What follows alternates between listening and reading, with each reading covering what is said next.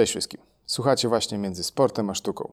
Ja jestem Bezi, Dawid Bugryn, a to mój podcast, w którym będziecie mieli okazję posłuchać rozmów z ludźmi, którzy reprezentują wszelakie sporty i sztuki walki.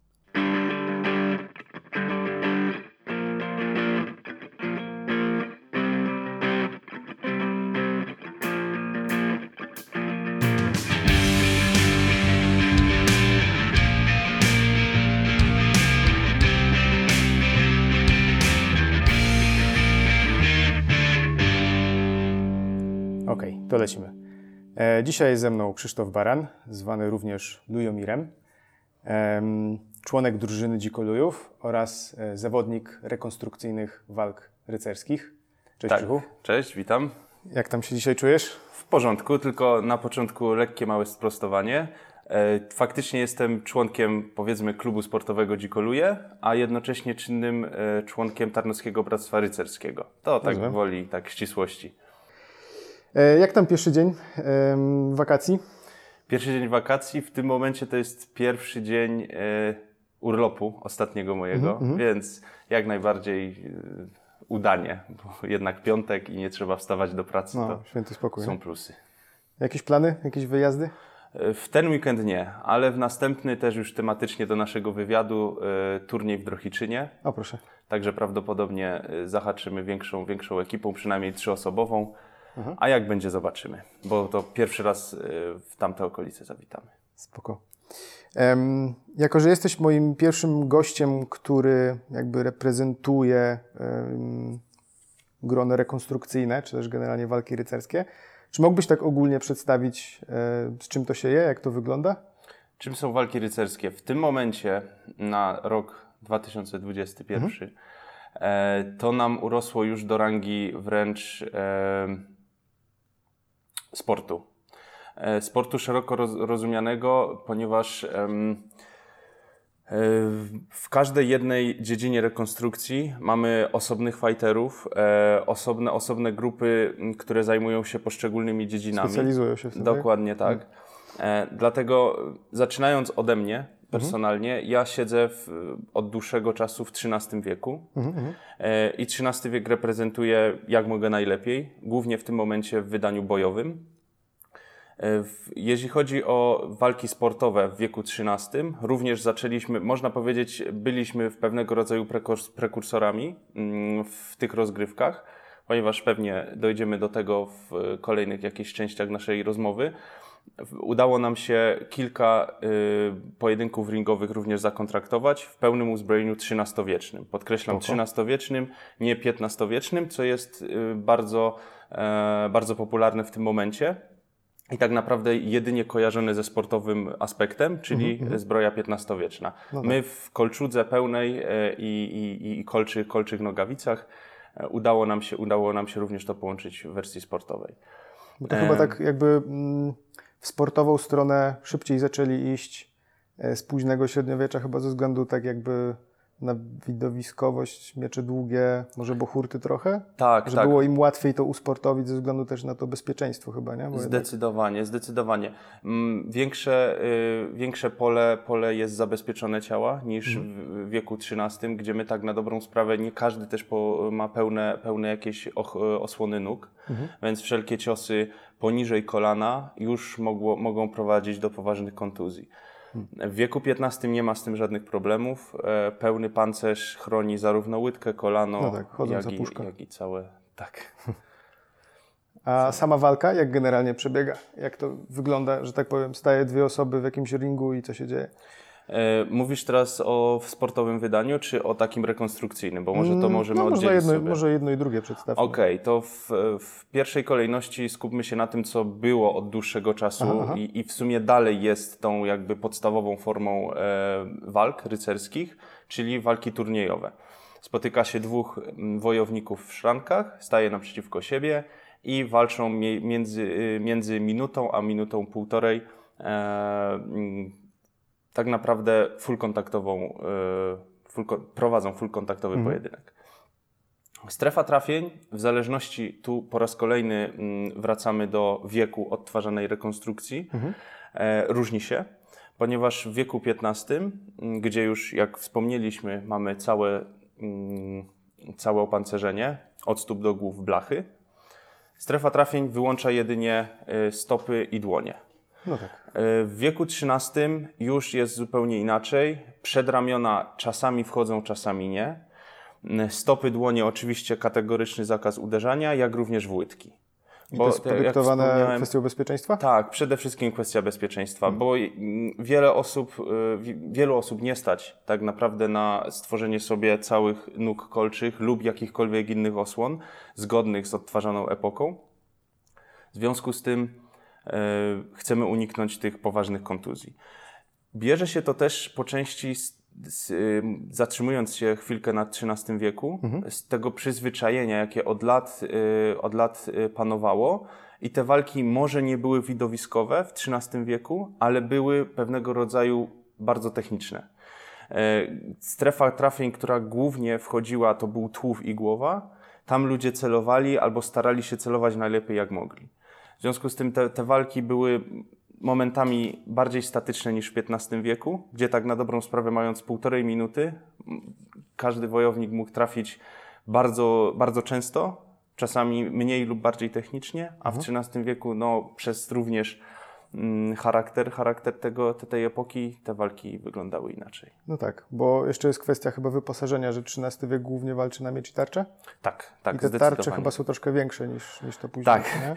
Zahaczamy teraz o, o taki newralgiczny punkt, e, z którym my się spotkaliśmy jako z kolei drużyna Dzikoluje, Aha. gdzie jeździliśmy mm, na tak zwane multiperiody, gdzie nie tylko wiek y, XV, który, gdzie turniejów w wieku XV jest znacznie więcej w Polsce niż XIII wieku. E, I za pozwoleniem organizatorów, my w uzbrojeniu XIII-wiecznym występowaliśmy i niejednokrotnie biliśmy się na równi z, z wojownikami wieku XV. I często, zwłaszcza w momencie, kiedy my wygrywaliśmy, było to oskarżenie, że my mamy za duże tarcze. Ja rozumiem. Że faktycznie te tarcze, e, te tarcze mogą zakrywać większą powierzchnię, e, nam jest łatwiej się bronić, Mhm. albo mamy lżejszy pancerz i tak dalej, i tak dalej. W związku z tym, e, słysząc bodajże no, na którymś z kolei turnieju, że faktycznie no, nam jest łatwiej, Mhm. postanowiliśmy w bardzo, mm, bardzo krótkim czasie zebrać informacje, zebrać rzemieślników, którzy mogą nam w przeciągu tygodnia zrobić tarczę na kolejny turniej z kolei. Ale już taki idealnie akcja. pod ich, e, pod ich wytyczne kolegów z XV wieku, żeby uciąć te wszelkie dyskusje. No i faktycznie wychodząc wciąż jeszcze, bo, bo mm, zbroje płytowe nam idą i są cały czas w fazie wykuwania, bo Mhm. faktycznie chcemy poszerzyć swój, mm, mm, swój wachlarz możliwości również, Do, do również kolejnej te- kategorii chcecie się... tak, można tak powiedzieć. E, To jeżdżąc na te turnieje dalej w tym sprzęcie XIII-wiecznym, już mamy, e, mamy tarcze XV-wieczne pod idealnie wymiary ścięte. Tu nawet możesz zerknąć, jest koło nas e, jedna z takich Ta tarcz. czerwona? także- tak, dokładnie ta czerwona. Jasne. No, to faktycznie jest troszkę różnicy. Jest, jest. A powiedz mi, w w XIII wieku w ogóle nie mieli takich mniejszych tarcz, czy... Były mniejsze tarcze. Były mniejsze tarcze mm, i kształt tarczy mm, generaliz- był generalizowany przez mm, tak naprawdę teren, na jakim były używane. W Polsce y, jest sporo, sporo przedstawień y, osób władających mniejszymi, okrągłymi tarczami. To się wiązało z tym, że mieliśmy bardzo zalesiony, y, zalesiony kawał, kawał terenu i łatwiej było operować z kolei okrągłymi tarczami. No tak. Kształt tarcz ewoluował. On tak naprawdę mm, wywodził się, cały czas jest wariacja trochę trójkąta, trochę migdału od lat wcześniejszych do późniejszych i głównie ta wielkość, zwłaszcza w odniesieniu do aktualnych potyczek rycerskich, e, generalizuje jakieś tam spory. Czy ktoś ma za małą, czy ktoś ma za dużą. No tak, takie elementy typowo sportowe, czyli Tak, wy- wyposażenie, tak, nie? tak, Unifikacja wyposażenia. Mm. E, a powiedz mi jeszcze, wracając do tematu samych walk, kto wygrywa pojedynek? Jakie są zasady wyznaczania zwycięstwa? W- Jeżeli walczymy w czasówkach, czyli tak jak wspomniałem, minuta lub półtorej minuty, jest grono sędziów od 3 do 4, zatrzymując się cały czas e, w tej mm, turniejowej formule. Oni są po to, aby z każdego jednego kąta szaranek, które zazwyczaj są na planie mm, kwadratu lub prostokątu, e, zbierać, zbierać jak najlepszy obraz, obraz pojedynku. Mhm. Liczą, liczą poszczególnych wojowników, kto ile trafił, kto ile zebrał uderzeń i potem spotykają się po tej minucie, po półtorej minuty, zliczają razem punkty, konsultują się, kiedy jest zazwyczaj, kiedy wynik różni się jednym punktem, często możemy spodziewać się dogrywki, ponieważ jest to już taki błąd statystyczny, że no, ja mogłem nie zauważyć jakiegoś trafienia, faktycznie rozumiemy, w związku z tym dajemy 30 sekund dogrywki, żeby panowie Spoko. wyjaśnili, kto jest lepszy. Brzmi uczciwie. Tak. Mm, czasami e, jest też, to nie jest oficjalne liczenie, ale jest tak zwany element dominacji. Mhm. Kiedy widać, że jakiś zawodnik dominuje nad drugim, spycha go, wyprowadza grad ciosów, mhm. to chociażby ten drugi jest lepiej wyszkolony technicznie i częściej trafia. Często sędziowie mogą tutaj mieć taki, nazwijmy to roboczo, taki y, niedobry obraz z pojedynku, że tak mhm. naprawdę ten, który dominuje, niekoniecznie jest lepszy, ale w tym momencie rzucało się w oczy tylko ta dynamika. Ten... Zdobędzie więcej trafień, ale prezentuje się tak, jakby był w stanie pozamiatać tego. Tak, tak. Hmm. Ale mm, wiesz, to jest, y, to jest myślę domena każdego jednego, y, każdej jednej konkurencji w sportach walki. No tak. Mówimy, możemy tutaj zahaczyć o boks, o MMA. Wszędzie jest, podo podobne sytuacje wszędzie się zdarzają. Dlatego chyba większość sportowców stara się, w sensie w takich właśnie walkach, stara się unikać kończenia walki na punkty, tylko jednak znokautować, no bo tego tak. sędzia już tutaj raczej niewiele wpłynie na to. Przy czym w, naszym, w naszej zabawie jest bardzo trudno o knockout. No, jest możliwe, no tak. widziałem y, dwukrotnie bodajże knockout mhm. faktycznie, Mm, ale to, to, to, nie, to wygląda groźnie. Mogę zaryzykować stwierdzeniem, że wygląda groźniej niż w boksie czy we wspomnianym MMA, gdzie mhm. my przywykliśmy do nokautów. Mhm, mhm. I nagle zostajemy, mm, zostajemy postawieni przed, y, przed sytuacją, gdzie jeden rycerz nokautuje drugiego uderzeniem miecza to sobie musimy wyobrazić, ok, jak silne musiało być to uderzenie, skoro hełm, który jest, jego przeznaczeniem jest amortyzowanie tych ciosów Dokładnie. i tak nie wytrzymał. I, i, I, tak ktoś zobaczył te przysłowiowe gwiazdy. Nieźle, nieźle. Okej, okay, a e, czy są jeszcze jakieś inne formuły oprócz tej czasówki? Tak, i teraz możemy przejść, bo tak omówiliśmy mm, troszkę, troszkę bardziej w szczególe mm, walki turniejowe. Mhm. I teraz y, możemy zahaczyć o te walki sportowe, Aha. czyli e, sportowe w rozumieniu walczymy na bardzo podobnych zasadach jak bokserzy lub zawodnicy MMA. Mamy walkę zakontraktowaną e, przez organizatora, organizatora jakiejś organizacji lub jako y, organizatora stricte walki boksers, walk bokserskich, ale jako urozmaicenie walki sportowej rycerskiej. Hmm. E, I, I trochę freak fight, na chwilę troszkę, obecną przynajmniej. Po części tak. Freak fight w momencie, kiedy rycerze lub wojownicy występują na gali profesjonalnych bokserów lub tak, tak. zawodników no, MMA. Mhm. Bo w Polsce również mamy mm, mm, stalową arenę prowadzoną przez Roberta Szateckiego mhm. i tam na stalowej arenie spotykają się już tylko wojownicy. Już dedykowane pod... Tak, całkowicie mhm. dedykowane. Robi to z fantastycznym rozmachem. No, i... widziałem, nawet twoją walkę oglądałem. Tak, tak. Mhm. Też miałem okazję tam wystąpić. Mhm. E, I faktycznie to są, to są pojedynki kontraktowane mniej więcej na trzy rundy, mhm. po dwie minuty, e, czyli można to zestawić podobnie jak z walkami kickboxerskimi. Kickbo kickbo kickboxing jest często zestawiany na walki trzyrundowe. Mhm. Myślę, że to się bierze głównie z, z, z tego, jak bardzo intensywnie przebiega pojedynek, zarówno no tak. E, z um, rycerzy w zbrojach, jak i kickboxerów. Tutaj mamy pełen wachlarz możliwości, pełen wachlarz technik. Tak naprawdę dynamika pojedynku od pierwszej minuty jest bardzo wysoka. W związku z tym yy, dla zachowania widowizo, widowizo, widowiska, tak, yy, te, te rundy są, są ograniczone do trzech. No tak, bo w sumie jakbyście wydłużyli um, ilość tych e, starć, dołożyli kilka rund, no to najprawdopodobniej siłą rzeczy by średnia się zmniejszyła tej dynamiczności, no bo ludzie zaczęliby sobie siły rozkładać na... Tak, tak. Pierwsza Albo... runda byłaby na przykład tylko rozpoznawcza, nie za wiele by się działo, może tam jakieś małe przyspieszenie, a potem byłoby trochę dociąganie kolejnej rundy. Nie? Albo wręcz na odwrót. ktoś mógłby się bardzo mocno Odpalić. podpalić w pierwszej rundzie i potem brak paliwa na dwie kolejne, trzy Hmm. No tak, kolejne. No tak, no tak. I to też jest problem. Sam, sam byłem świadkiem e, na jednym turnieju, gdzie również e, poprzedzały ten turniej walki sportowe. Mm, Pojedynku e, w formule 15-wiecznej, e, pełne płyty, że niepotrzebnie e, jeden z zawodników bardzo starał się e, udowodnić drugiemu, że jest lepszy przez całą pierwszą rundę. W związku z tym na dwie kolejne tak naprawdę y, bił się z samym sobą, jeszcze z przeciwnikiem, jeszcze z próbami przeciwnika, który go skutecznie obalał. Tu możemy przejść od razu do, mm, do tego, jak jest punktowane, mm, jak jest punktowany pojedynek sportowy Aha.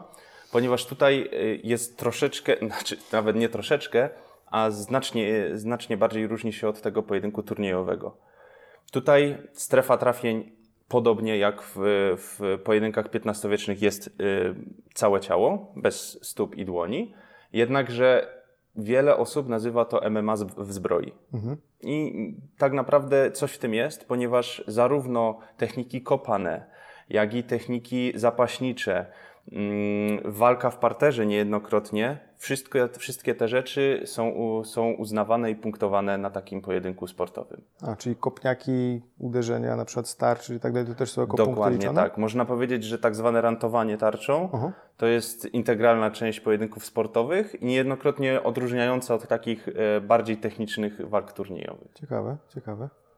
Bo byłem przekonany, że te kopniaki, obalenia i tak dalej są faktycznie, widziałem w e, walkach sportowych, ale myślałem, że to są raczej elementy, które mają przeciwnika wymęczyć, e, czy też jakby doprowadzić do sytuacji, w której można faktycznie go wtedy wypunktować e, bronią już bezpośrednio. Nie wiedziałem, że to jest też liczone jako Jasne, punkt. tylko y, też nie, nie każda część ciała, y, która, która będzie kopnięta lub y, uderzona rantem tarczy jest punktowana.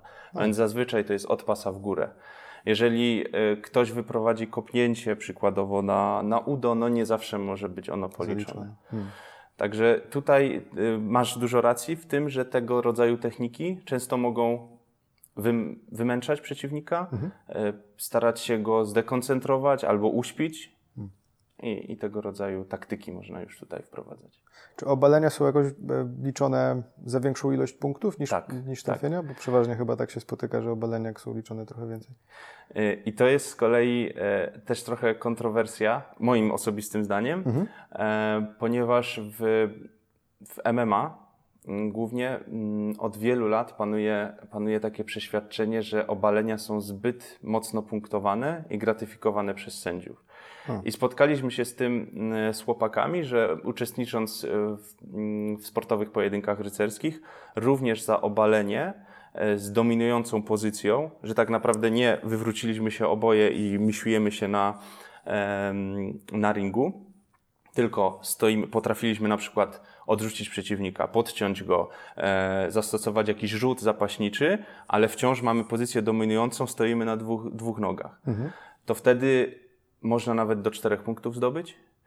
E, Już nie wspomnę teraz dokładnych, e, dokładnych zasad, e, ale często również w parterze można zadawać do trzech punktów lub przez 10 sekund można punktować przeciwnika. To mniej więcej jest w zależności od, od organizatora, od, od formuły walki. To delikatnie A się potem zmieni. co, walka jest wznawiana z, ze stójki? Z Tak, powrotem? zaraz po tym jak ten, ten czas 10 sekund lub trzech trafień minie, zawodnicy spotykają się na środku ringu i walka jest wznawiana. Ciekawe. To, to jest to bardziej złożone niż, niż, niż my się Tak, spodziewałem. Tro, troszkę bardziej złożone niż właśnie ta minutówka, do której my jesteśmy przyzwyczajeni, którą tak trafienia, nie? naprawdę... Tak, tak. E, A powiedz mi jeszcze taka jedna rzecz. E, Czy siła, siła uderzenia, siła trafień e, jest tutaj brana pod uwagę? Czy to jest na zasadzie cokolwiek dotknie przeciwnika jest traktowane jako punkt? Bo wiem, że czasami na turniejach rekonstrukcyjnych jest często e, trafienia zbyt słabe, albo, że tak powiem, nieprzekonywujące nie są zaliczane. Tak, to jest bardzo, bardzo ciekawy punkt. Mm, Wiele, mm, wiele takich trafień, powiedzmy, my to w żargonie naszym e, nazywamy szmatą. E, Wiele tego rodzaju uderzeń nie jest punktowanych. Jest coś, co tak naprawdę liznęło przeciwnika, albo często na zbrojach mamy tuniki. Coś się mogło ześliznąć po tym kawałku materiału. E, Tego rodzaju ciosy nie są punktowane przez nazwijmy to doświadczonych sędziów, ludzi, którzy już na rekonstrukcji, na tego rodzaju pojedynkach zjedli zęby e, i wiedzą, że tego rodzaju ciosy tak naprawdę nic nie znaczą, nie mhm. zrobiły żadnego wrażenia na przeciwniku i nie ma sensu ich liczyć. Oczywiście nie dochodzimy do absurdów, gdzie ktoś, kto wyprowadza powiedzmy takie 3-4 uderzenia proste jednym, jednym tempem i wszystkie wchodzą, no to mhm. ewidentnie ten przeciwnik ma problem. Więc no musimy już to policzyć. Rozumiem. Czyli kontekst też jest ważny. Tak, tak. Ale jeśli chodzi jeszcze o siłę ciosu, często stojąc w pozycji obronnej, czy to w jakiejś e, zastawie, czy, czy z wysuniętą tarczą, chroniąc częścią miecza swoją głowę, hełm, mhm. Często ciosy, jak są mocno wyprowadzone, są w stanie tą zasłonę przebić. przebić. Mhm. I tego rodzaju ciosy również są przez, tak jak wspomniałem, głównie doświadczonych sędziów liczone. Ponieważ, e, okej, okay, broniłeś się, ale byłeś statyczny, nie hmm. zauważyłeś, że na ten silny cios należy zareagować odpowiednio i prze, on przełamał twoją obronę i oberwałeś w głowę czy w tułów. W związku z tym tego rodzaju ciosy też, też, też jak najbardziej są liczone. Okay. E, a powiedz mi jeszcze, czy w turniejach takich stricte XIII-wiecznych, e, czy obowiązują właśnie podobne zasady minutówki na przykład, że staracie się wklepać jak najwięcej punktów, czy jest też e, do trzech, tak jak wcześniej mają? W XIII wieku można powiedzieć, że mamy dwa rodzaje starć. No, więcej niż dwa rodzaje, ale skupmy się na razie Takie na pojedynkowych. Mhm. E, jeżeli ktoś posiada pełne opancerzenie, można powiedzieć opancerzenie rycerskie, e, jest ten hełm zamknięty, kolczuga, e, odpowiednia tarcza, miecz odpowiednio wyważony. W związku z tym tutaj mówimy o tych starciach minutowych, półtora minutowych, gdzie sędziowie zliczają punkty. Jednocześnie są starcia lekko zbrojnych i to się głównie różni tym, że ściągamy kolczugi, zakładamy hełmy otwarte. Mi osobiście się ta formuła nie podoba od pewnego czasu, ponieważ jest bardzo kontuzyjna. No tak, e, no Sam no tak. oberwałem dwa razy w oko i dobrze, że to oko mam. W związku z tym e, tego rodzaju starcia, gdzie, gdzie tak naprawdę możemy dopuścić mm, bardzo dużą liczbę uczestników, bo mniej I, sprzętu wymaga. Nie? Tak, to mniej mhm. sprzętu wymaga, jest mniej, mniejsze obciążenie finansowe, mhm. ale y, często ci uczestnicy nie są jakby. Nie kontrolują broni e?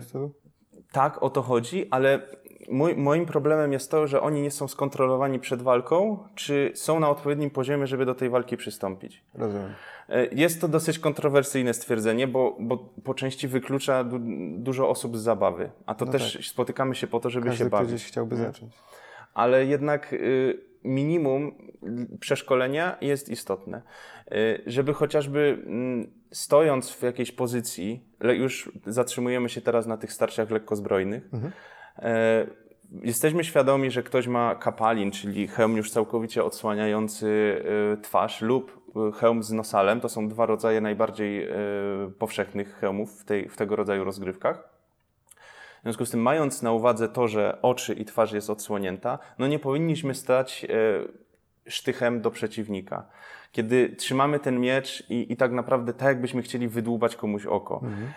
Podobnie jest z zadawaniem ciosów. Ciosy nie mogą iść poprzecznie na, na, na twarz, ponieważ mhm. na tej twarzy nie ma żadnej osłony. A często mając sam okazję parokrotnie sędziować tego rodzaju pojedynki, no jestem zmuszony dawać punkty minusowe lub upomnienia za właśnie notoryczne stosowanie tych poprzecznych ciosów. Uważam, że jakby delikatnie bardziej przeszkolić ludzi w tym temacie, nie byłoby problemu i faktycznie wiele osób miałoby, miałoby dużą frajdę.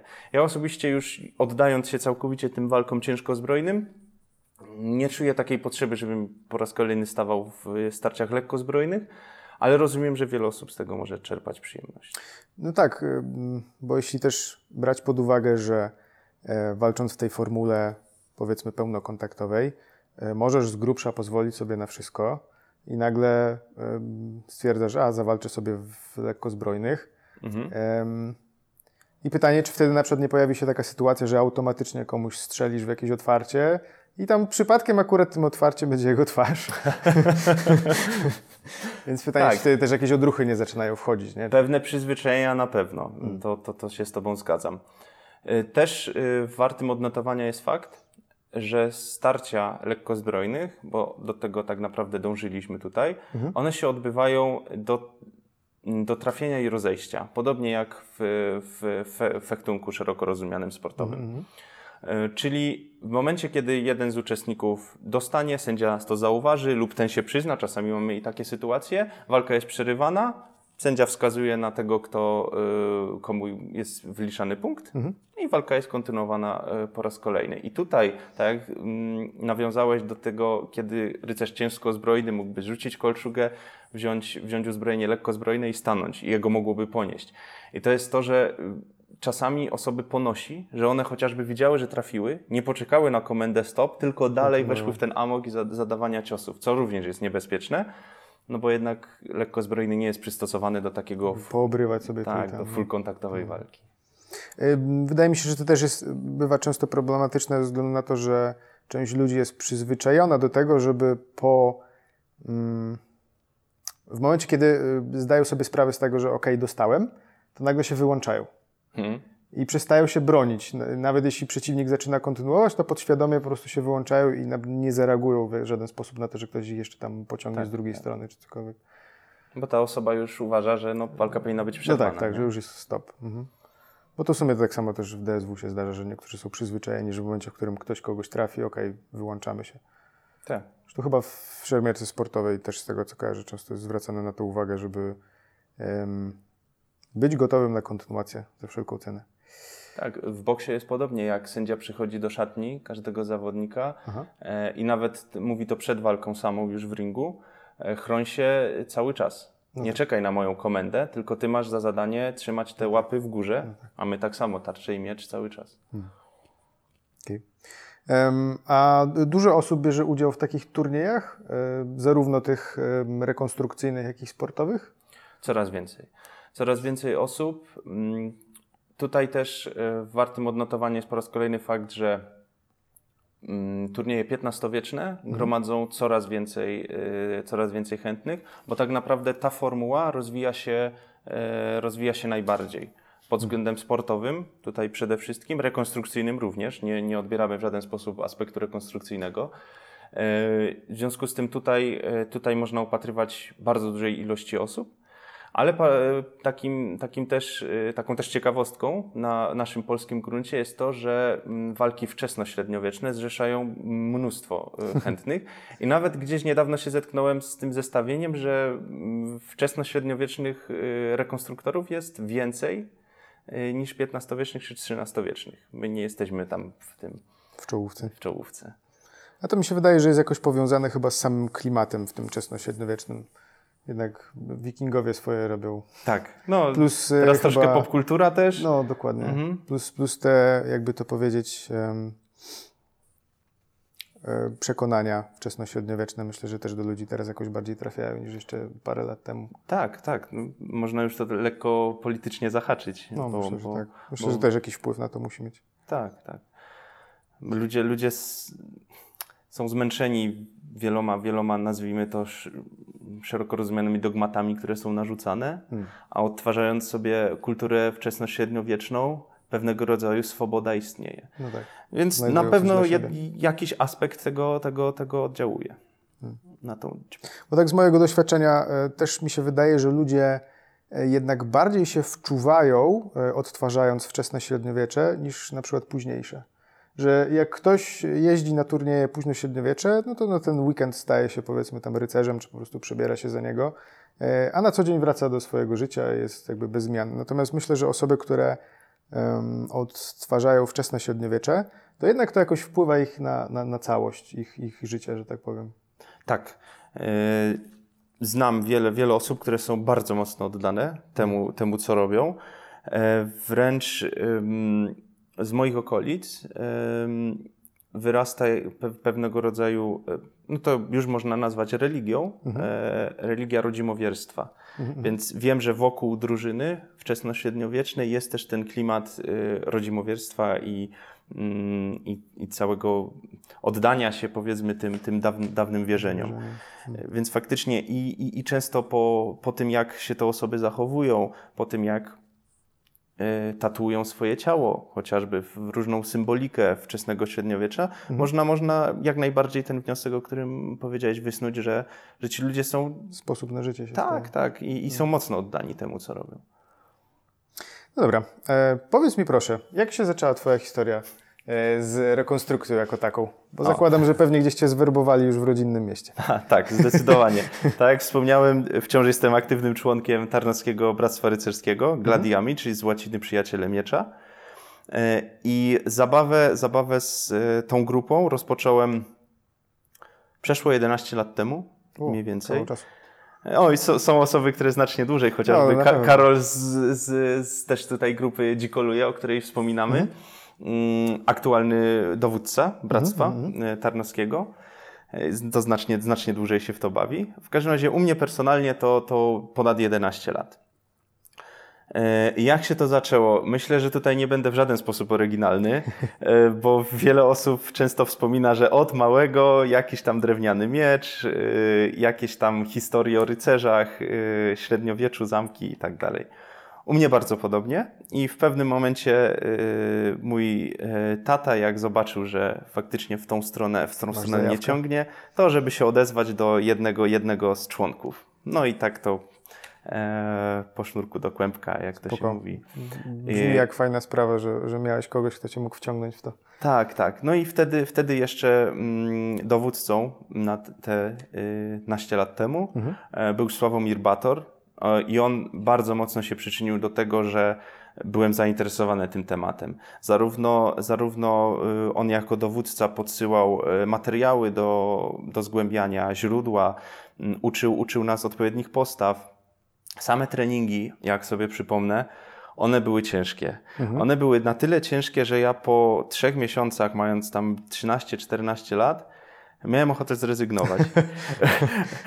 Miecz drewniany treningowy był dla mnie za ciężki. Aha. E, chłopaki, którzy faktycznie wiedzieli bardzo dużo e, o tym, jak odpowiednio stać, walczyć, e, poruszać się po szrankach, po, po, po polu mhm. bitewnym, wałkowali mi osobiście przez przeszło trzy miesiące same kroki. Ja przychodząc na treningi co niedzielę, musiałem powtarzać non-stop to samo i w końcu jak oni stwierdzili, ok, zaczyna ci to wychodzić, chodzić. masz tu ten drewniany miecz, który i tak jest za ciężki dla ciebie. Także, także początki, początki były, yy, no, były zloty i upadki, ale jakoś tak mnie to mm, zachęcało, że robię coś innego niż, niż cała reszta. Bo to też. Yy, coś swojego znalazłeś. Tak, tak, że, że jednak nie cały czas gry komputerowe, o którym nic nie odbieram, bo sam jestem pewnego rodzaju graczem. E, w każdym razie. Yy, jestem w stanie pochwalić się czymś innym. Jestem w stanie zainteresować nawet moich, y, moich kolegów e, tym, że ja sobie chodzę, trenuję coś takiego, zobaczcie, będzie pokaz za, mhm, za mhm. tydzień na rynku, możecie, możecie mnie oglądać. To, jako, to jakby był coś, co mnie nakręcało do dalszej... Taki motywator. Tak, tak, do dalszej działalności. No i tak... Jeszcze nie chcę się zanudzić tym tematem w żadnym no, wypadku, e, ale powiedzmy przeskakując już kilka lat do przodu, mhm. E, zacząłem najpierw swoją przygodę z bliskim ci łucznictwem i faktycznie w tym się czułem bardzo dobrze, jednocześnie odtwarzając ten stan miejski w swoim strojem XIII-wiecznym. I starałem się, starałem się iść w tą stronę. Byłem dobry w tym, w tym co robiłem, oczywiście nie od razu, ale, ale też... Y, z też przyszło? Tak. I też z pomocą, z pomocą kolegów, którzy są do tej pory bardzo mocno zajawieni z mojego bractwa rycerskiego ucznictwem. Tutaj Jarek, jeśli mnie będzie słuchał, Marcin. To są osoby, które, które faktycznie też zaszczepiły, zaszczepiły bardzo mocno ucznictwo w naszym bractwie.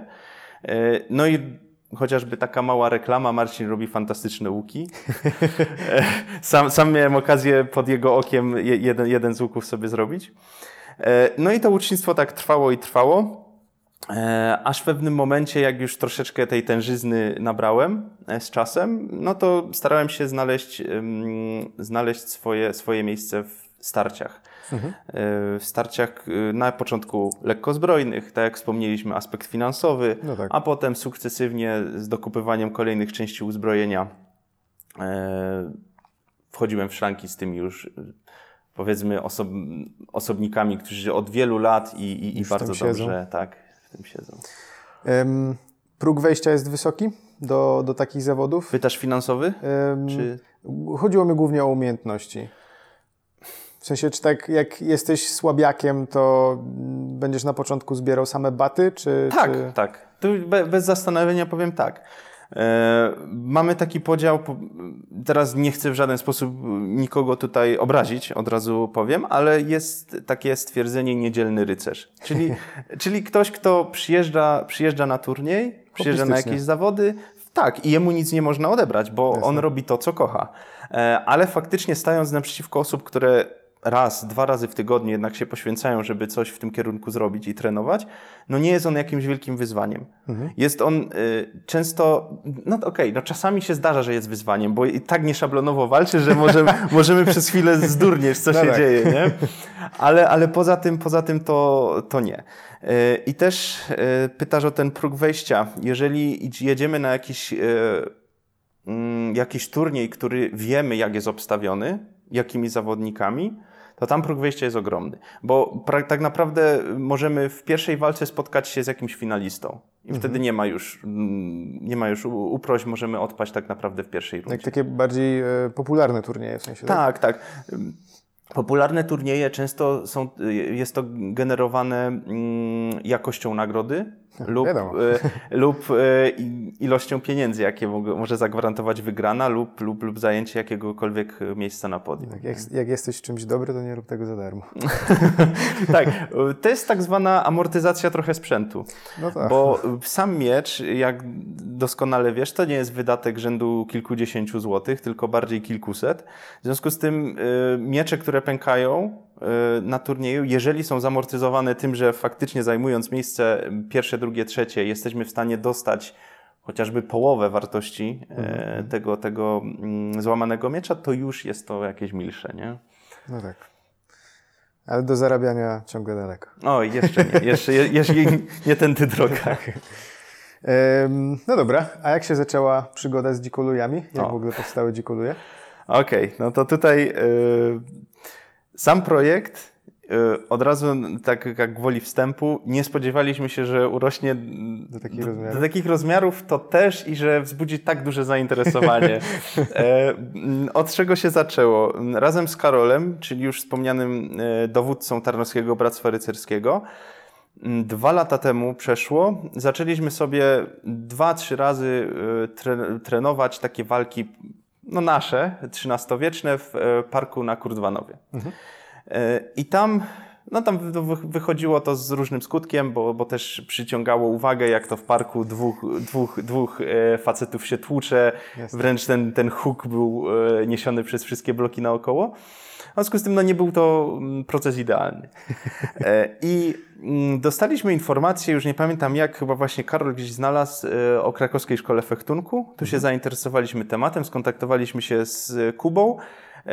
Jak by mogły wyglądać nasze treningi, jeśli byśmy zaprosili na przykład parę innych osób z grup dookoła Krakowa czy byłaby możliwość przechowywania sprzętu. Tego rodzaju logistyczne Jasne. rzeczy poruszaliśmy. Okazało się, że Kuba daje nam zielone światło, oczywiście pod pewnymi warunkami. No i tak to się zaczęło. Z, skrzyknęliśmy chłopaków z Oświęcimia i Lipowca, e, zaprzyjaźnione bractwa rycerskie. E, I zaczęliśmy się spotykać. Jedno, dwa spotkania. W pewnym momencie powstała grupa na Facebooku, żebyśmy się mogli dogadać co do konkretnej godziny trenowania. E, też tak od słowa do słowa ktoś tą, chyba Sławek, nazwał tą grupę na, na Facebooku Dzikoluje. E, ktoś dodał jakąś ikonkę dzika i to dosłownie tak, tak się rozrastało bardzo niewinnie. Puzzle się łączyły same. Tak.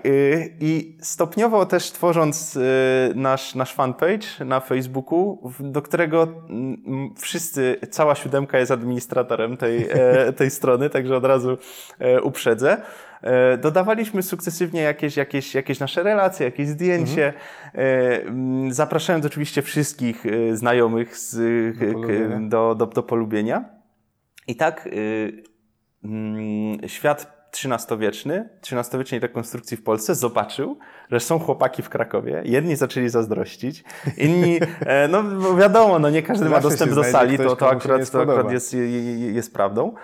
E, I też odnotowaliśmy coś takiego, że, że ludzie jakby bardziej, mm, bardziej chcieli też trenować. Skoro my trenujemy i jesteśmy w stanie zrobić kroczek y, więcej w tej rekonstrukcji XIII-wiecznej, inni też mogą.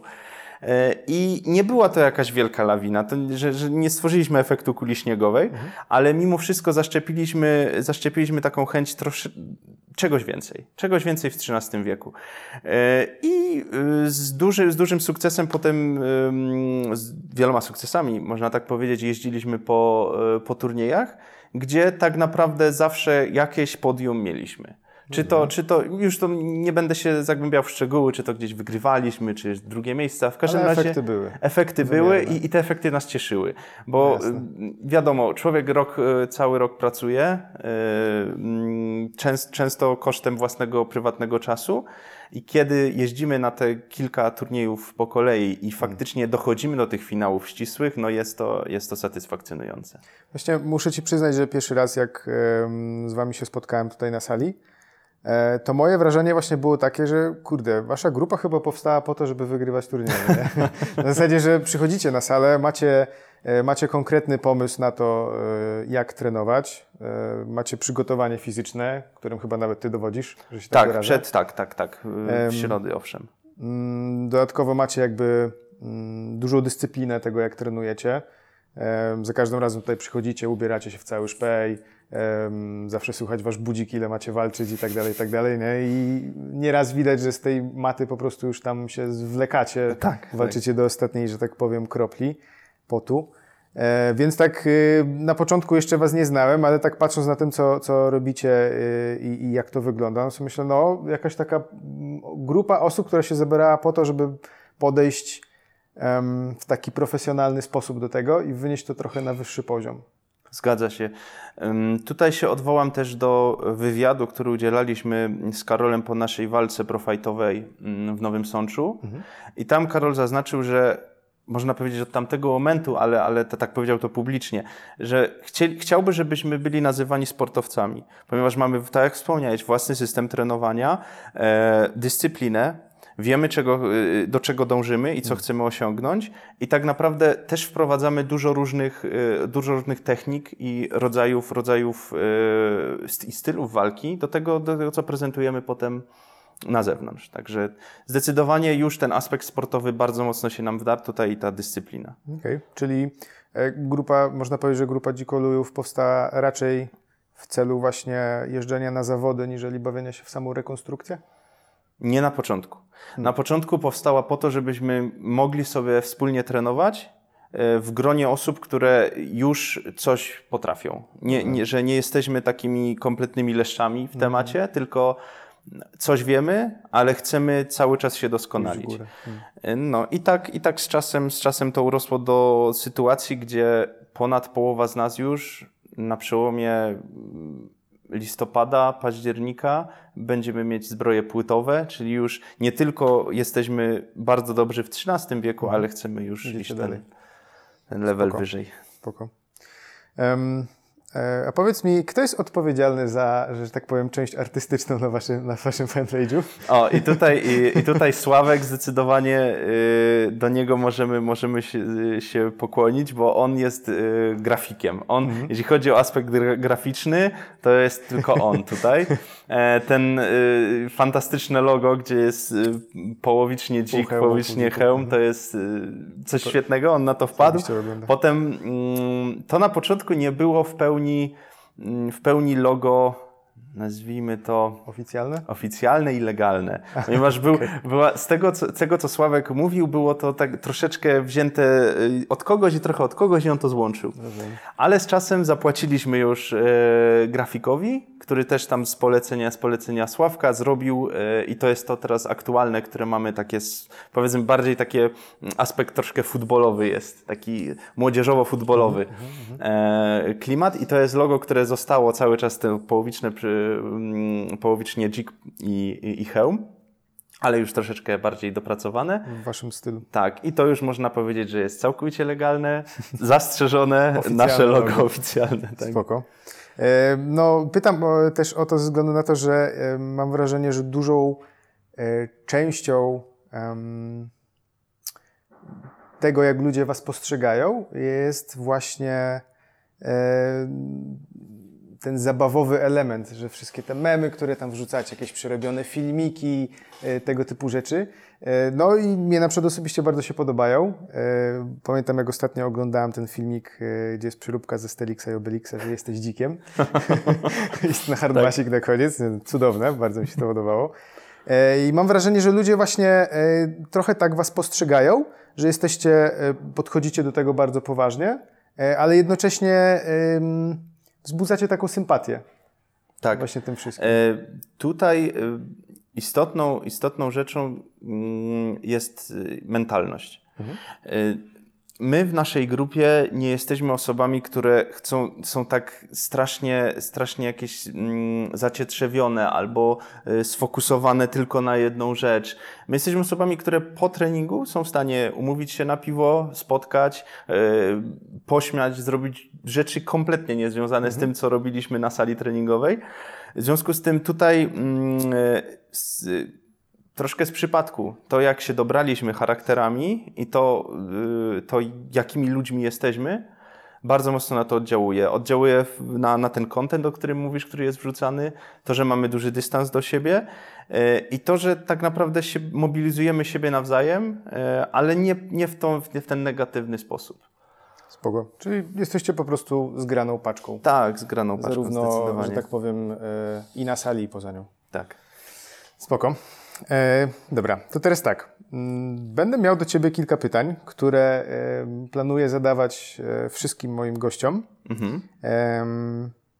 Te pytania będą stałe, zawsze będę je tam trochę, mm, jakby to powiedzieć, dostosowywał do dyscypliny, o której akurat rozmawiamy. E, I pierwsze pytanie jest takie. Mm, jak element rywalizacji, generalnej rywalizacji, wpływa na rekonstrukcję jako taką, czy też na same walki rekonstrukcyjne? Z mojego personalnego doświadczenia rywalizacja jest kluczowym elementem e, mhm. walk, walk rycerskich. Bez rywalizacji, e, bez dążenia do tego, żeby być najlepszym, ale nie w ten chorobliwy sposób oczywiście, e, te, ten, ten, ten sport, ta, tego rodzaju turnieje nie miałyby sensu. Mhm. Rywalizacja pobudza adrenalinę, ad, od, ad, od adrenaliny e, wielu z nas jest uzależnione, ale od tej konkretnej, e, czyli mówimy tutaj o, o walkach rycerskich.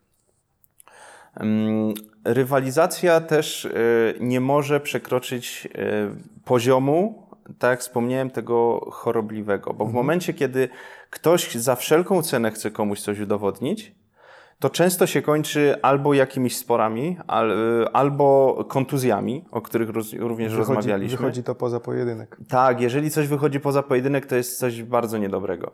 Toksycznie się już robi. Nie? Tak, tak. Y, po to mamy określone zasady, żeby się ich trzymać. Mhm. Y, rywalizacja również mm, mi osobiście pomaga y, ta zdrowa rywalizacja w mhm. pracy nad sobą, bo mm, mnie łatwo zdenerwować niestety y, i często zagrywki niesportowe albo mm, coś, co jest poza, y, co jest nieuwzględnione w zasadach pojedynku, jest notorycznie powtarzane, no we mnie się gotuje.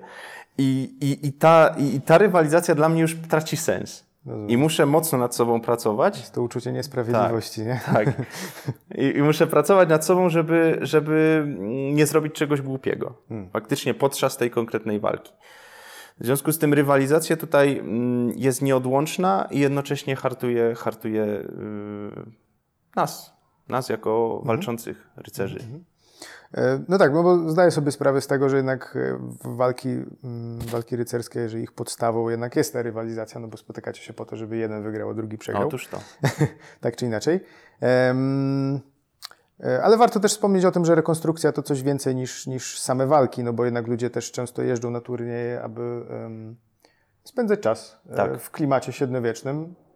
Jeździmy sobie na turniej, siedzieć pod namiotami przy ognisku itd., tak itd. Czy też e, skupiać się głównie na tym, żeby odtwarzać wiernie mm, daną epokę, czy to strojem, czy to jakimiś elementami dodatkowymi, czy wyposażeniem. Bo dla mnie na przykład osobiście, jak e, jadę na turnieje, to głównie po to, żeby brać udział jednak e, w rywalizacji. Ja co prawda jeżdżę na turnieje, głównie żeby strzelać z łuku. No ale jednak jakby gdyby nie to strzelanie z łuku, to chyba bym się nie wybierał jednak na te turnieje, tylko żeby tam po prostu spędzać czas, a nawet jeśli bym to robił, to pewnie znacznie rzadziej niż teraz. No, więc wydaje mi się, że to jednak ta rywalizacja jest tutaj e, przyczynkiem tych, tych, tych walk, jakby na to nie patrzeć. Jeszcze mogę Ci mm, jeden, jeden aspekt o tej, tej rywalizacji hmm, zahaczyć. Właśnie mnie tak natknąłeś trochę tym, e, dlaczego Ty jeździsz. Mhm. Dla, dla, dla rywalizacji, ale również dla tego późniejszego przebywania z ludźmi.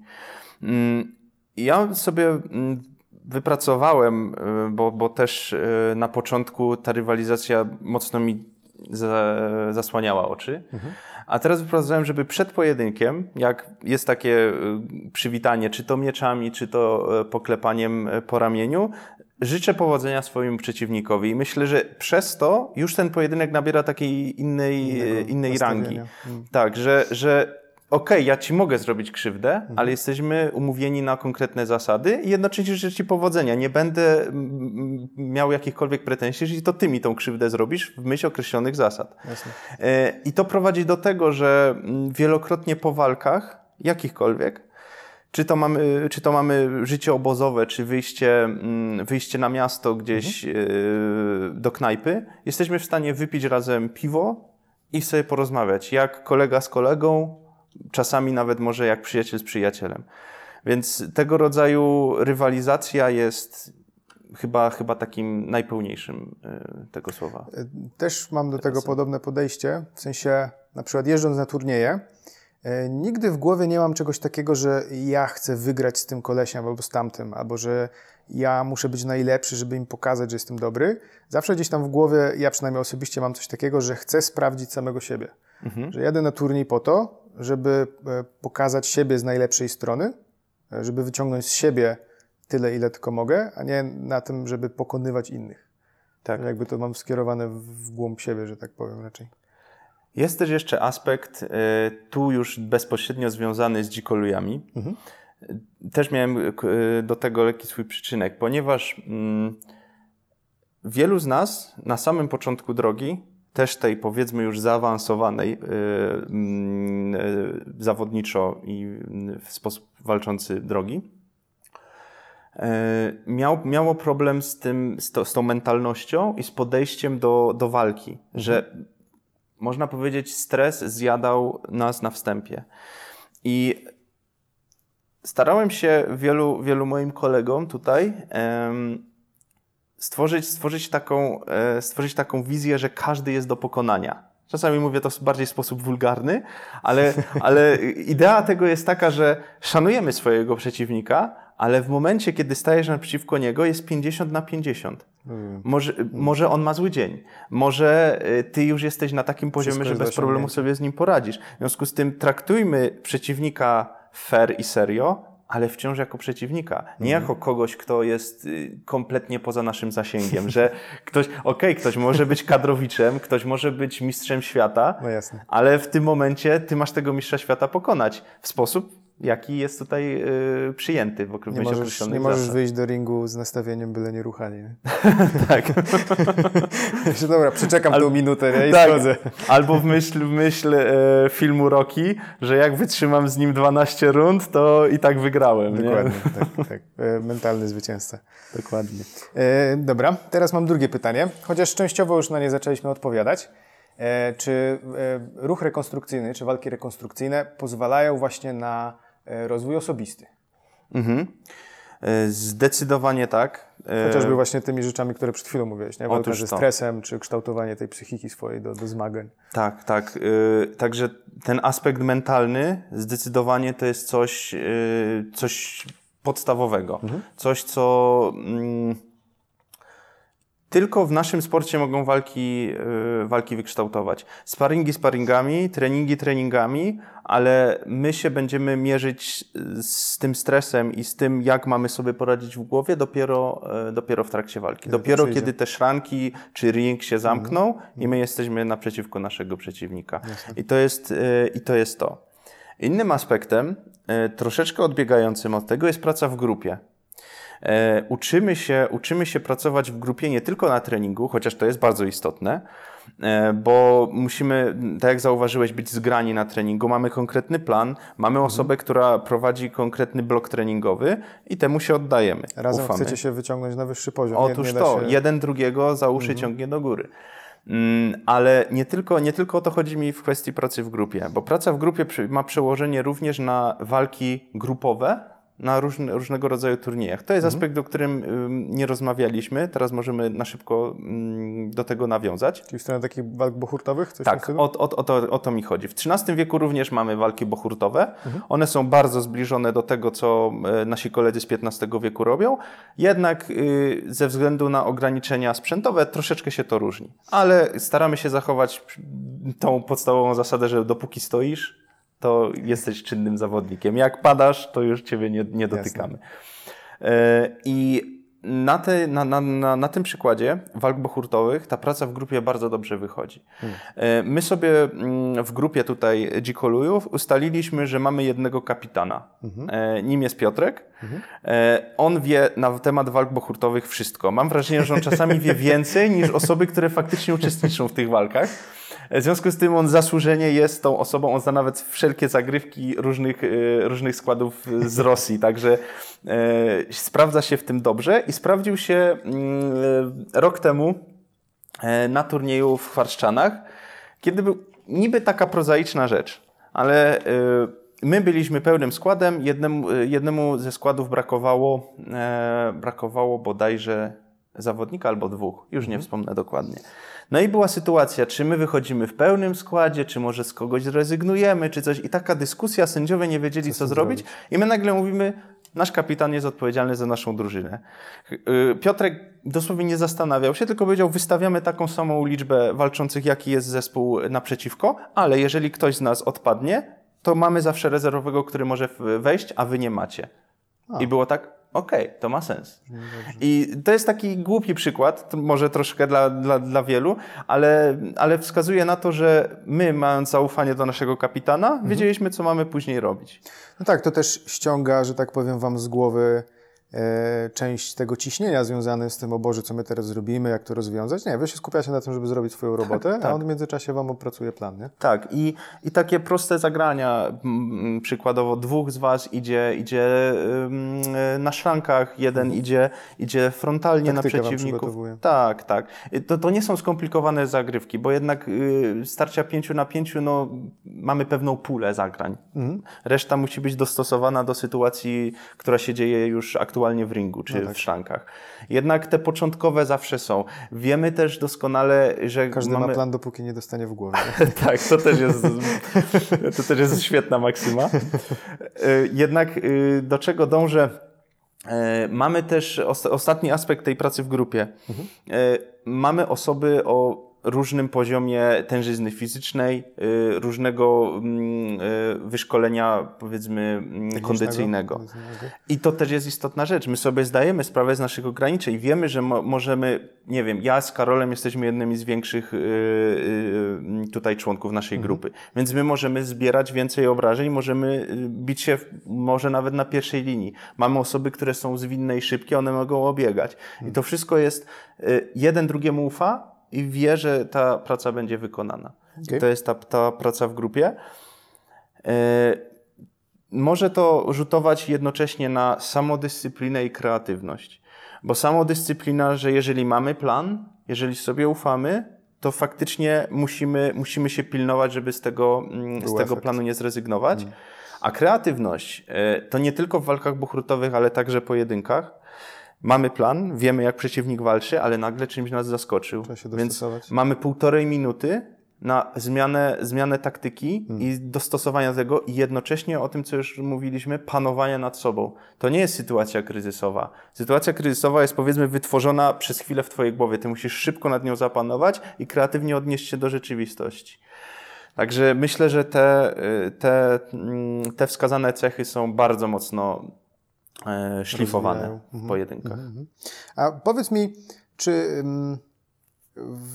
do walk rekonstrukcyjnych e, przychodzą raczej osoby o konkretnym typie charakteru, czy raczej to jest w tą stronę, że przychodzą z grubsza wszyscy, ale e, walki rekonstrukcyjne kształtują ich w ten sam sposób, że potem na przykład jak ktoś sobie walczy rok, drugi, trzeci, to że większość osób zaczyna mieć podobne cechy charakteru, że to w sensie, że jakby walki ich wszystkich modelowały w dany konkretny sposób, czy raczej to jest tak, że wyciąga z nich to, co mm, powiedzmy najlepsze, czy też pewne cechy ich w nich kształtuje tak czy inaczej? Ciężko, ciężko tutaj odpowiedzieć jednoznacznie na to pytanie. Mhm. Są osoby, które mm, jeżeli są flegmatykami na co dzień, mhm. trenują rok w rok, mają jakieś postępy techniczne, ale one dalej w walce będą przejawiać raczej taki styl wycofania, z mhm. kontry lub... E, taktyczny taki. Tak, bardziej taktyczny niż, niż, niż ofensywny. Mhm. Um, czy, czy może... Y, pytasz też z tego, co zrozumiałem, czy kształtuje jakoś ten charakter. No właśnie, tak? chodzi czy... mi o to, głównie o takie cechy charakteru, w sensie, że na przykład um, przychodzi ci osoba, nie wiem, nieśmiała na treningi, nie? Mhm. No bo ona sobie zawsze marzyła, że będzie rycerzem, no to wiesz, przyszła, w końcu odważyła się przyjść na trening. E, I czy jest na przykład szansa, że taka osoba zacznie mm, trenować i, i, i, jest szansa, że właśnie te walki rekonstrukcyjne z, z, niego trochę wyciągną tego, że stanie się bardziej nie wiem, śmielsza, czy na co dzień będzie bardziej otwarta do osób, czy nie będzie się bała jakichś podejmować wyzwań, czy raczej to jest na zasadzie, że po prostu nauczy się walczyć i, i z grubsza tyle? Jak najbardziej jest w stanie się zmienić. Jest w stanie nie, nie tyle zmienić, ile ukształtować mhm. w tym odpowiednim kierunku. Przede wszystkim przy, przez to, jakimi osobami się otacza. Jeżeli ona będzie w, w grupie osób, które są sfokusowane na szeroko rozumiany sukces, mhm. E, chcą wygrywać, chcą być lepsze, ale jednocześnie przyjmują tą osobę, chcą mhm. ją nauczyć. My w naszym, w naszym gronie wielokrotnie czegoś takiego na pewno doświadczyliśmy.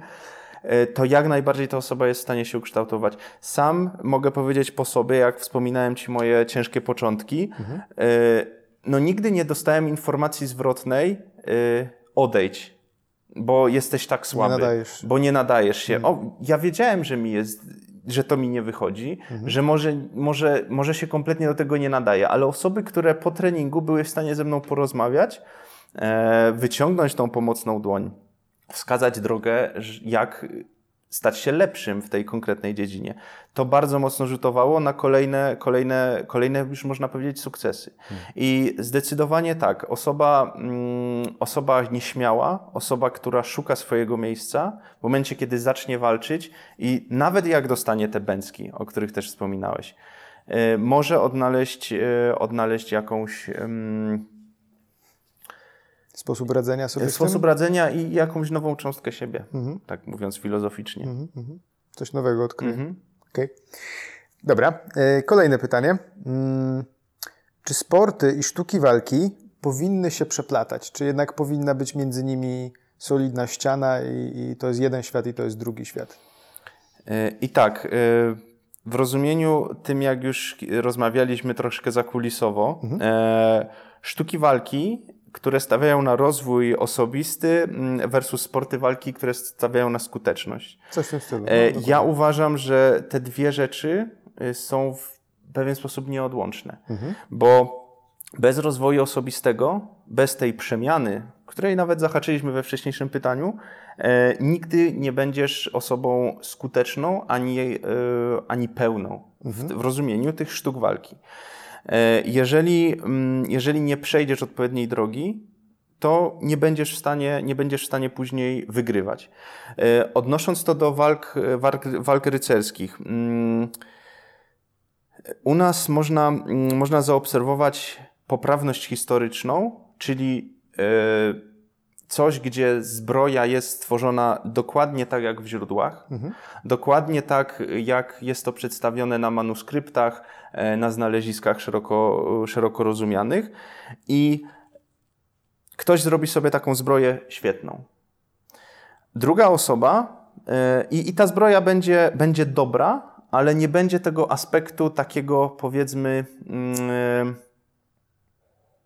praktycznego ponieważ mamy już wiedzę, y, która zaczerpnęła y, troszkę z innych epok. Mhm. Wiemy, jak obrabiać metal lepiej, wiemy, jak tworzyć, y, tworzyć dany, dany chociażby zawias w zbroi nieco lepiej. I w momencie, kiedy z, zestawimy to z osobą, która po prostu sobie zrobi jakąś tam zbroję, byle było, byle było to ona też nie wygrywa. bo ona nie ma tego aspektu tego rekonstrukcyjnego. W związku z tym najlepiej tutaj przepleść te dwie dziedziny i wyciągnąć z nich to, co najlepsze, czyli wyglądasz tak jak na manuskryptach, wyglądasz tak jak na znaleziskach wręcz, ale masz jakiś mały patent, który mhm. ci pomaga, chociażby rękawica jest lepiej wypchana. E, tarcza ma nieco niżej mocowanie, co nie jest zupełnie widać i nie rzutuje to nawet dla takich e, ultrasów rekonstrukcyjnych w żaden mhm. sposób, ale ty masz lepszą mobilność. Jesteś w stanie być lepszy w danej konkurencji rekonstrukcyjnej, czy to walki, walkach turniejowych, czy walkach sportowych. Dlatego uważam, że aspekt historyczny nigdy nie powinien być zatracony i dlatego tutaj to można uznać za tą sztukę. Jasne. Czyli to, to odtwórstwo rekonstrukcyjne. A sport walki to jest to, gdzie my już wychodzimy i wyglądamy bardzo dobrze, no, ale jednak mamy te patenty. Mamy cel. Tak. Hmm. Holistyczne podejście do rekonstrukcji. Troszkę, e, trochę musimy znaleźć taki konsensus pomiędzy tym, co było, a tym, co chcemy robić aktualnie. Bo bez tego, bez tego się nie da. Tutaj nam się udało, pamiętam, zgarnąć taki bardzo pozytywny komentarz e, przy okazji walki e, mojej i Karola mhm. w, w, sportowej walki w ringu, przy okazji jednej z gal bokserskich w Nowym Sączu. I tam jeden komentarz, e, też już bardzo, bardzo doświadczonego rekonstruktora, brzmiał: Nigdy nie sądziłem, że można połączyć sport z rekonstrukcją. Wy zmieniliście mi pogląd na tą sytuację, bo faktycznie my wychodząc tam, mieliśmy jakieś tam, wiadomo, pod kolczugą jakiś plastik, bo wiadomo, była to full kontaktowa no walka, tak. ale na zewnątrz wyglądało jak ludzie wyrwani z tamtej epoki. Nie? Brzmi jak dobre propsy. E, właśnie mm, wydaje mi się, że tu jest też fajny element przeplatania się tego, że tak naprawdę możesz bawić się w rekonstrukcję, możesz bawić się w walkę rycerską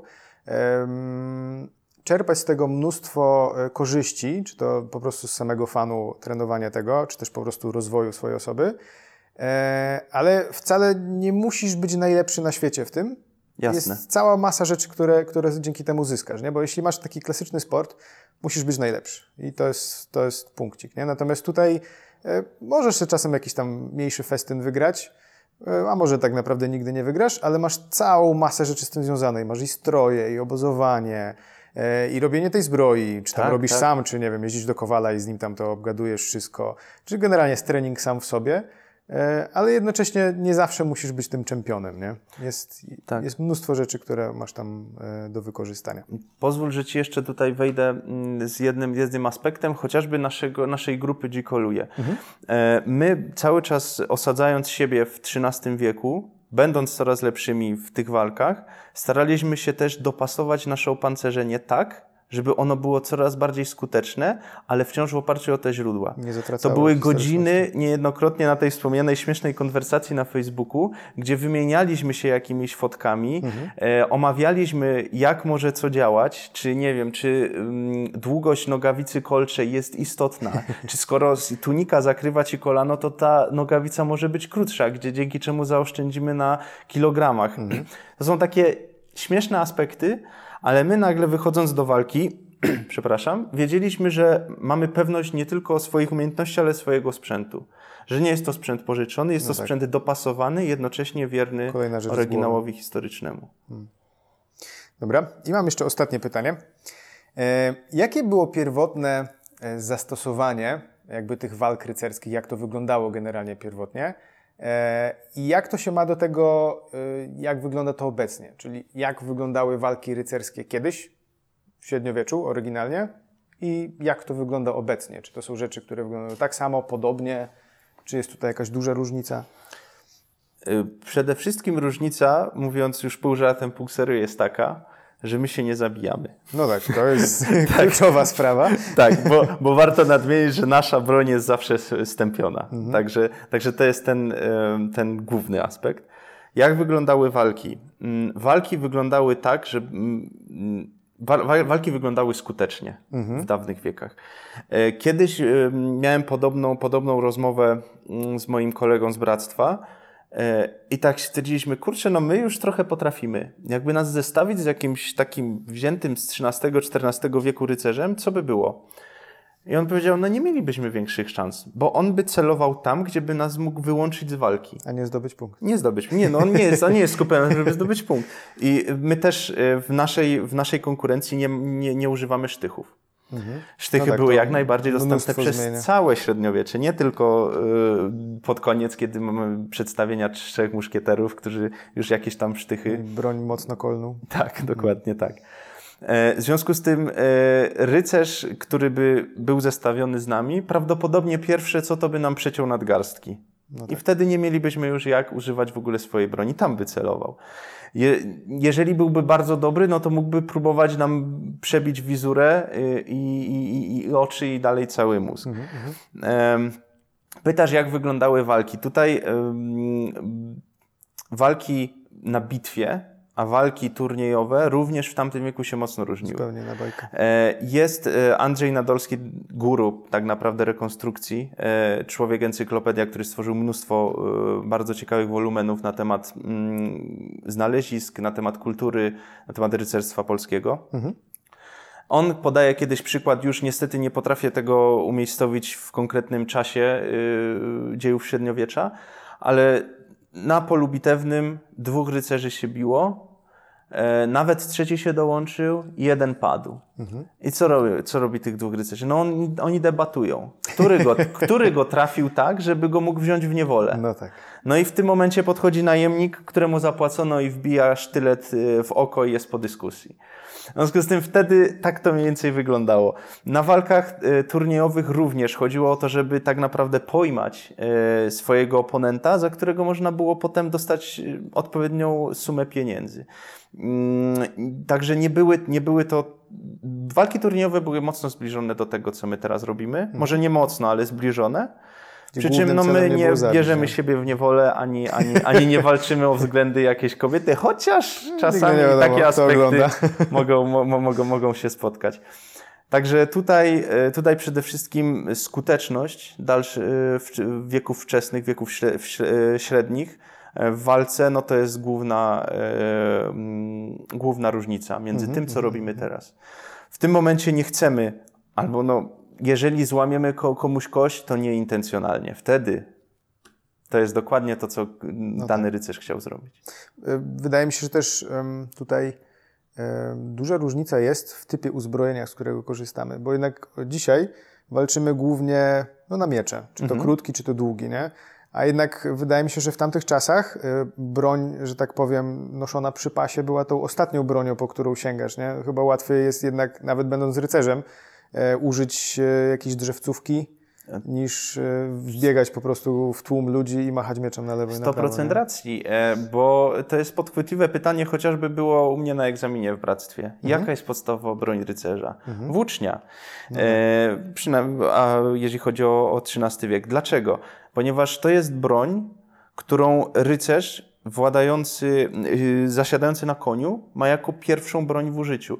Jeżeli on złamie tą włócznię, on może sięgnąć po topór lub miecz, który mm -hmm, ma mhm, przy pasie, mm -hmm. ale w pierwszej kolejności rycerz jest utożsamiony, utożsamiany z niemieckiego Ritter jako jeździec. W związku z tym on jeździ na koniu, a z konia no gorzej jest e, walczyć mieczem niż włócznią, na Jasne. którą można nabić nawet i dwóch, trzech przeciwników. Husarze mieli jakiś tam swoją drogą yy, konkurs na nabijanie i kto więcej. Gdzie, gdzieś taką informację usłyszałem, nie jest potwierdzona, więc Spoko. nie chcę do zamentów. W Japonii mieli też zabawy, kto więcej przetnie więźniów. Więc... Tak, tak. W związku z tym, no, yy, rycerz yy, to koń. A mhm. na polach aktualnie turniejowych no to możesz, możesz jak tak się zastanowić, zobaczyć coś trochę dziwnego, bo wchodzi rycerz uzbrojony, wiesz, y, pełne nogi kolcze, czy tam pełne płytowe, ostrogi, jakieś na konie pasy. I on nigdy nie wie nawet jak do konia podejść, mm. nie? No ale no to jest właśnie to ograniczenie, ograniczenie czasowe, bo my jesteśmy rekonstrukcją, nie możemy już aż tak daleko. Oczywiście są osoby, które świetnie sobie radzą na koniu i, i starają się robić tego rodzaju rekonstrukcje, ale to już nie będzie Inna skala, nie? Bo mhm. zorganizuj sobie turniej, na którym będziemy walczyć konno, a zorganizuj sobie turniej, gdzie będziemy sobie walczyć w szrankach 5 na 5 No, otóż to. No, no.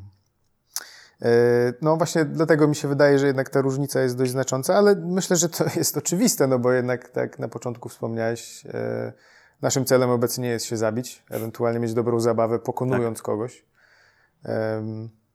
No. Duch rywalizacji przede tak. wszystkim. Tak. E, mam jeszcze właśnie do Ciebie pytanie odnośnie, już odbiegając od tego pytania, e, odnośnie gal rycerskich.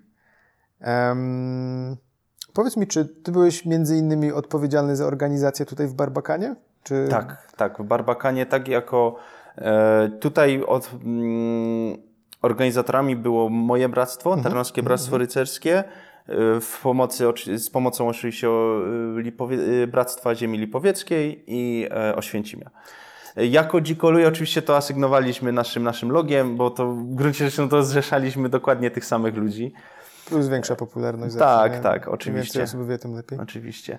No i tutaj udało nam się w porozumieniu również e, z Niepołomicami, skąd wy, wypożyczyliśmy szranki, mhm. e, zorganizować e, nie tylko turniej rycerski, który miał przyciągnąć uwagę widzów, e, całej publiczności, która, która, która uczestniczyła, e, tą uwagę, żeby była również skupiona na, mm, na walkach sportowych.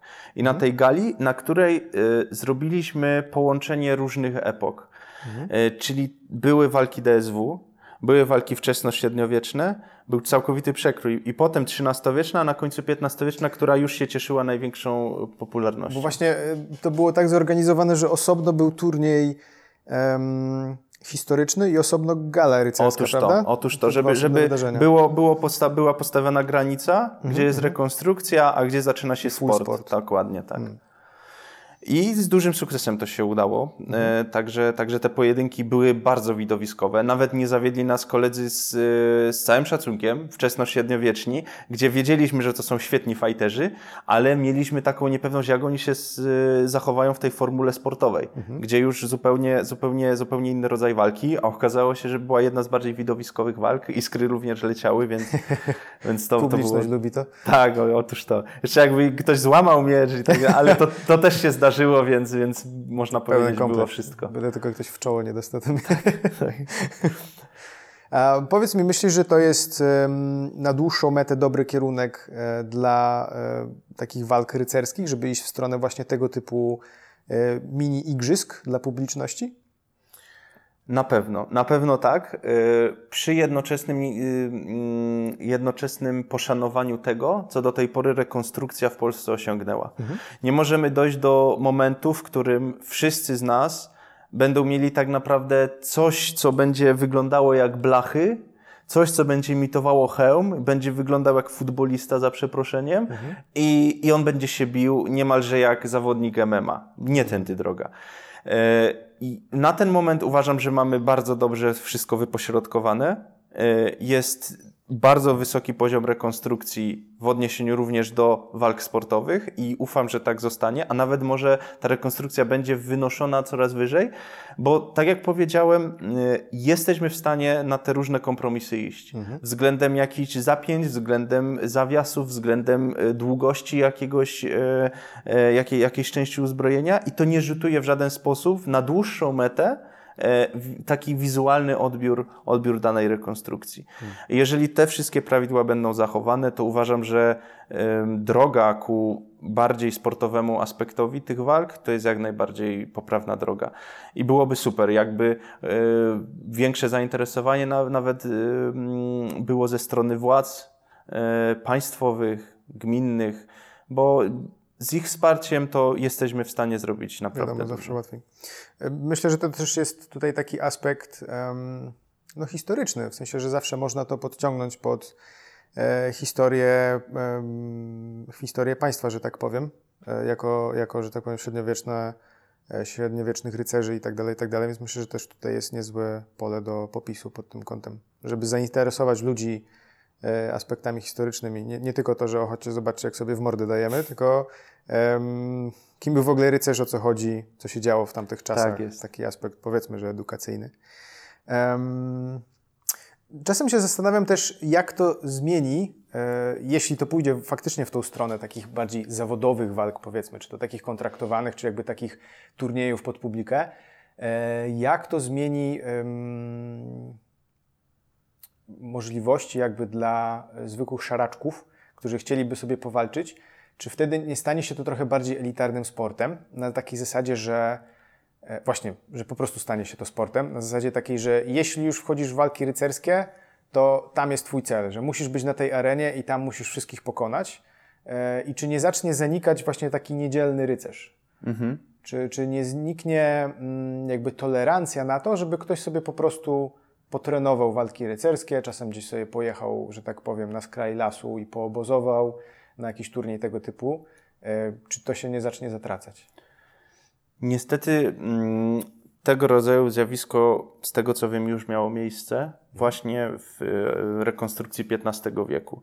Że kiedy bardzo był boom na to, żeby iść w sportowy aspekt, troszeczkę na turniejach, kiedy pojawiali się ci sportowcy szeroko rozumiani, no ci rycerze, nazwijmy to teraz roboczo niedzielni, mhm. E, no tracili trochę zapał do, te, do tej rekonstrukcji. Rozumiem. Y, ale uważam, moim osobistym zdaniem jest to, że jeżeli wciąż kochamy to, co robimy, czyli jeżeli kocha się rekonstrukcję i chce się zażyć tego życia obozowego, bo jednak y, turniej sam w sobie to nie jest tylko walka. To jest w tym momencie i tak naprawdę mm, najważniejszy punkt, ale nie jedyny.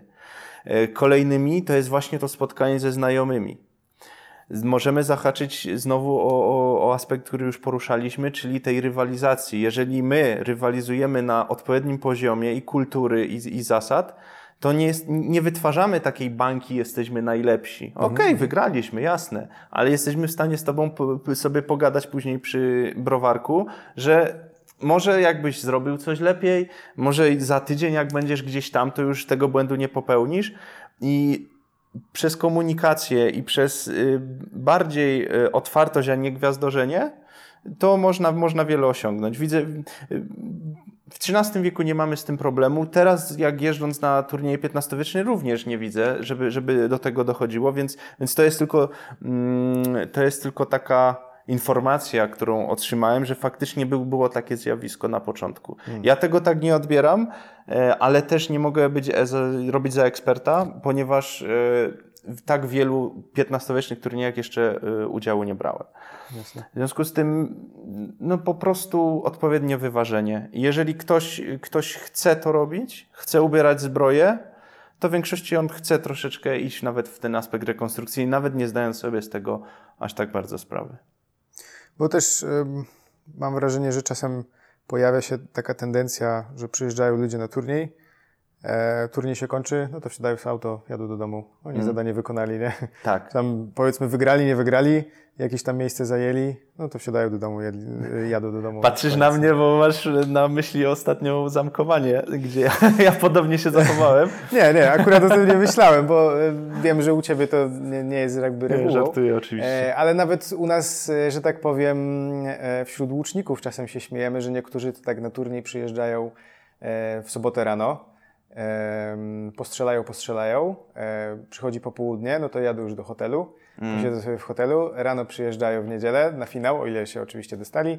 No, zakończyli konkurencję, no to najlepiej by zgarnęli nagrodę i do domciu, nie? No Więc tak. też się robi takie trochę odcięcie, nie? że znika ten aspekt jakby może społeczny, czy też rekonstrukcyjny, bo jak ktoś przyjeżdża na turniej i od razu jedzie do hotelu czy coś, no to też to znika. Pomijając oczywiście sytuację, gdzie ktoś e, z jakichś tam innych powodów e, w hotelu e, Jasne, oczywiście. Czasami rodziny zostają, więc to jest zrozumiałe. Hmm. Ale no nasza w tym głowa i żeby zachęcać i żeby dążyć do tego, żeby ten ruch rekonstrukcyjny trwał i przy okazji rozwijał się ten aspekt sportowy, bo i jeden i drugi, jedna i druga droga mogą tak naprawdę się w końcu spotkać. Mhm, mhm. I, i, I, moim zdaniem z tego wiele wynika dobrego aktualnie i może jeszcze więcej w przyszłości. Myślę też, że to jest taki mocny smaczek, mocny walor, żeby ta historyczność w tym była, bo myślę, że jeśli faktycznie to byłoby na zasadzie, że koleś się poubiera w jakieś puszki, jakieś, nie wiem, plastiki chociażby pomaluje sobie na srebrno, mieliby ludzie tak walczyć, myślę, że nie przykuwałoby to aż tyle atencji niż faktycznie ktoś, kto wygląda y, rycersko. Tak. Chociażby przykład, y, wychodzi przerdzewiały, y, przerdzewiały rycerz, który wyciągnął zbroję z piwnicy, a hmm. ktoś, kto dzień wcześniej przyłożył się, żeby gąbeczką z kastoramy i, i WD-40 tą zbroję wyczyścić, nie? To już jest aspekt wizualny, zwłaszcza dla publiki, jest hmm. bardzo ważny. Dobrze, Krzychu. Myślę, że e, wyczerpaliśmy na chwilę większość tych tematów, które. Zdecydowanie. Mam nadzieję, że żadnych wrogów sobie przy okazji nie. Spoko, będziemy ich banować w komentarzach. nie dowiesz się. E, także co, no, dziękuję Ci bardzo za rozmowę. Ja Ci również dziękuję Mam za nadzieję, zaproszenie. że jeszcze w przyszłości kiedyś się spotkamy i omówimy coś na bieżąco. Może po jakimś turnieju. Bardzo chętnie. w terenie byśmy udało się nam coś porozmawiać. E, no a na razie tyle. Dzięki. Dzięki bardzo.